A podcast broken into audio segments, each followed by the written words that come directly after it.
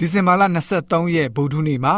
လည်လာသွားမယ့်ဥပုသ္စာဖြစ်သင်ခန်းစာရဲ့ခေါင်းစဉ်ကတော့နောက်ထပ်ဖွင့်လှစ်သင်ကြားမိကြောင်းဖြစ်ပါတယ်။ကောရိန္သုဩရစာဒုတိယဆောင်ခန်းကြီး၄ငွေ၁၉နဲ့၁၉မှာဆိုလို့ရှိရင်အကြောင်းမူကားမျက်မှောက်၌ထင်ရှားသောအရာတို့သည်ခဏသာတည်၍မထင်ရှားသောအရာတို့သည်အစဉ်အမြဲတည်ကြောင်းကိုငါတို့သည်ထောက်လျက်ထင်ရှားသောအရာတို့ကို မကြည့်မှတ်မှတ်ပဲ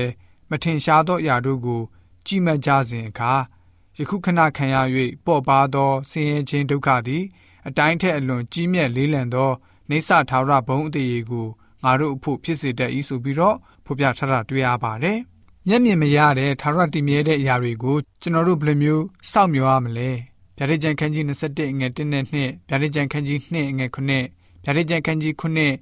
14ကနေ19ကိုဖတ်ပါမယ်။ ကောင်းကင်တစ်နဲ့မြေကြီးတစ်ကိုလည်းငါမြင်၏အဘဲတို့နိဟုမူကားရှေးကောင်းကင်နှင့်ရှေးမြေကြီးသည်ရွေသွားကြပြီ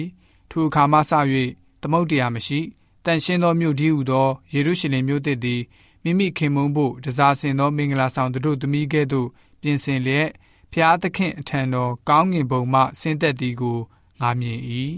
ဝိညာဉ်တော်သည်အသင်းတော်တို့အားအဘယ်သို့မိတ်တော်မူသည်ကိုနားရှိသောသူမည်သည်ကားကြားပါစေအကျဉ်သူသည်အောင်မြင်၏ ထိုသူသည်ငါ၏ဖျားသခင်ပရဒိတုဥယျင်၌ရှိသောအသက်ပင်၏အသီးကိုစားစေခြင်းကငါအခွင့်ပေးမည်ငါကသခင်ကိုတော်တိပါ၏ဟုပြန်လျှောက်၏သူကလည်းဤသူတို့သည်ကြီးစွာသောဆင်းရဲဒုက္ခအထဲကထွံ့မြောက်၍မိမိတို့ဝတ်လုံကိုတိုးတငယ်၏အသွေး၌လျှော်၍ဖြူစီသောသူဖြစ်ကြသည်ထို့ကြောင့်ဖျားသခင်၏ပလင်တော်ရှိမှနေရာကိုရ၍ဗိမ္မာန်တော်၌ဖျားဝုတ်ကိုနှင်းညမပြတ်ပြုရကြ၏ ပလင်ပေါ်မှထိုင်တော်မူသောသူသည်သူတို့တွင်ကျင်းဝတ်တော်မူမည်သူတို့သည်နောက်တဖန်ရေစာကိုမငတ်မမို့ရကြနေရောင်ကြီးအလင်းမထီရအဘဲအပူကိုမျှမခံရကြအကြောင်းမူကားပလင်တော်အတွင်း၌ရှိသောတိုးတငယ်သည်သူတို့ကိုလှုပ်ကြွေး၍အသက်ဆန်းရည်တွင်သို့လမ်းပြလိမ့်မည်ဖျားသခင်သည်လည်းသူတို့မျက်စိ၌မျက်ရည်ရှိသမျှတို့ကိုတုတ်တော်မူမည်ဟုဆိုလေ၏ဆိုပြီးတော့ဖော်ပြထားတာတွေ့ရပါတယ် ယေရှုရှင်ပေးထားတဲ့ဂရုတော်တွေဘလောက်ပဲတေချာနေပါစေတမန်ကျမ်းစာကနေဖော်ပြတဲ့ကျွန်တော်တို့စောင့်နေတဲ့အရာတွေအကြောင်းကြံရှိနေပါသေးတယ်ကျွန်တော်တို့အတွက်အသေးချာဖြစ်ပြီးတော့ကြီးမြတ်ခြင်းအဖြစ်ရောက်ရှိနိုင်ဖို့နဲ့အဲ့ဒီကြီးမြတ်ခြင်းအရာကိုရောက်ရှိတဲ့အချိန်မှာအပြစ်နှောက်ယှက်မှုတွေမရှိတော့တဲ့နေရာဖြစ်ပါတယ်။နာကျင်မှုဒုက္ခဝေဒနာကြုံတွေ့နေရတဲ့တောကဗျာပါယအားလုံးဟာအပြစ်ကြောင့်ဖြစ်ပြီးတော့ခရစ်တော်ဟာကြွလာခဲ့ပြီးတော့အပြစ်ကြွေးဆက်ပေးခဲ့ပြီးဖြစ်ပါတယ်။ ယေရှုရှင်ဟာငကိုမူလဖျားရှင်ဖန်ဆင်းထားခဲ့တဲ့ကဘာမြေအခြေအနေကိုပြန်လည်ရောက်ရှိအောင်ပြုပြင်ပေးမှာဖြစ်ပါတယ်။ပို့ပြီးတော့ကောင်းတဲ့ကဘာကယ်တင်ရွေးနှုတ်ခြင်းရဲ့ဘုံတကူတော်အပေါင်းရဲ့အမျက်ဆုံးလက္ခဏာကတော့ယေရှုရှင်ရဲ့လက်တော်ကရရှိခဲ့တဲ့ဒဏ်ရာယေရှုရှင်ရဲ့ခြေတော်နဘေးတော်ကဒဏ်ရာတွေကြံခဲ့ရတဲ့အရာတွေပဲဖြစ်ပါတယ်။ဝိညာဉ်တော်စာပေဖြစ်တဲ့ Ag White Education စာမျက်နှာ303မှာမှောင်မိုက်တဲ့ကလကာကိုဖယ်ရှားပစ်လိုက်တဲ့အချိန်မှာတော့ အဲ့ဒီကဘာရဲ့အလှပပေါင်းစုံကို ပြန်ပြီးတော့မြင်တွေ့ရပါလိမ့်မယ်။အခုအချိန်မှာအနုကြည့်မှန်ဘလူးနဲ့ကြည့်ရှုရတဲ့အရာတွေကိုအဲ့ဒီအချိန်မှာကောင်းကင်ပြင်ကျဲပေါ်မှာ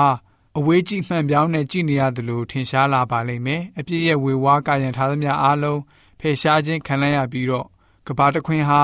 ဖျားရှင်ရဲ့လှပတင့်တယ်တဲ့လက်ရာတွေအဖြစ်မြင်တွေ့ထင်ရှားလာပါလိမ့်မယ်ကျွန်တော်တို့ လေ့လာသင်ယူလိုက်တဲ့အချိန်မှာလည်းပဲကွန်းကွန်းကွက်ကွက်ရှင်းရှင်းလင်းလင်းပေါ်လာပါလိမ့်မယ်အဲ့ဒီအချိန်မှာသိပ္ပံပညာကိုလေ့လာစီးပူးခဲ့တဲ့ကျောင်းသူကျောင်းသားတွေဟာမကောင်းမှုရဲ့ဤဥပဒေသားကြောင့်မမြင်မတွေ့နိုင်ရတဲ့အရာတွေကိုပြန်လည်မြင်တွေ့ရပါလိမ့်မယ်။ဘဝရဲ့တာယာနာပျော်ပွဲကောင်းတဲ့အတန်ကိုနားဆင်နိုင်ခွင့် ခံစားနိုင်ခွင့်ရရှိပြီးတော့ဝမ်းနဲ့ကြေကွဲစိတ်ဖိစီးခြင်းအရာတွေအားလုံးလုံးဝကင်းစင်သွားပါလိမ့်မယ်။ခတ်သိမ်းသောဖန်ဆင်းခြင်းအရာအလုံးရဲ့အပေါ်မှာဖျားရှင်ရဲ့နာမတော်ဟာပြတ်သားရှင်းလင်းစွာရည်သားခြင်းပြုပါလိမ့်မယ်။မြေကြီးပေါ်မှာရောပင်လယ်ပေါ်မှာရောအာကာသမှာရော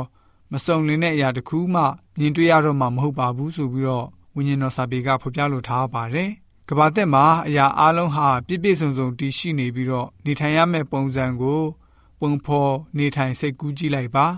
ဒီနေ့ကဘာကြီးပေါ်မှာနေထိုင်ရတဲ့အလွန်မှပင်ခက်ခဲဆင်းရဲတဲ့ပုံရိပ်တွေဟာအဲ့ဒီကဘာတက်မှာတော့လုံးဝအခက်ခဲတွေမရှိတော့ဘူးဆိုတာကိုခံမှန်းပြီးတော့မြင်အောင်ပါ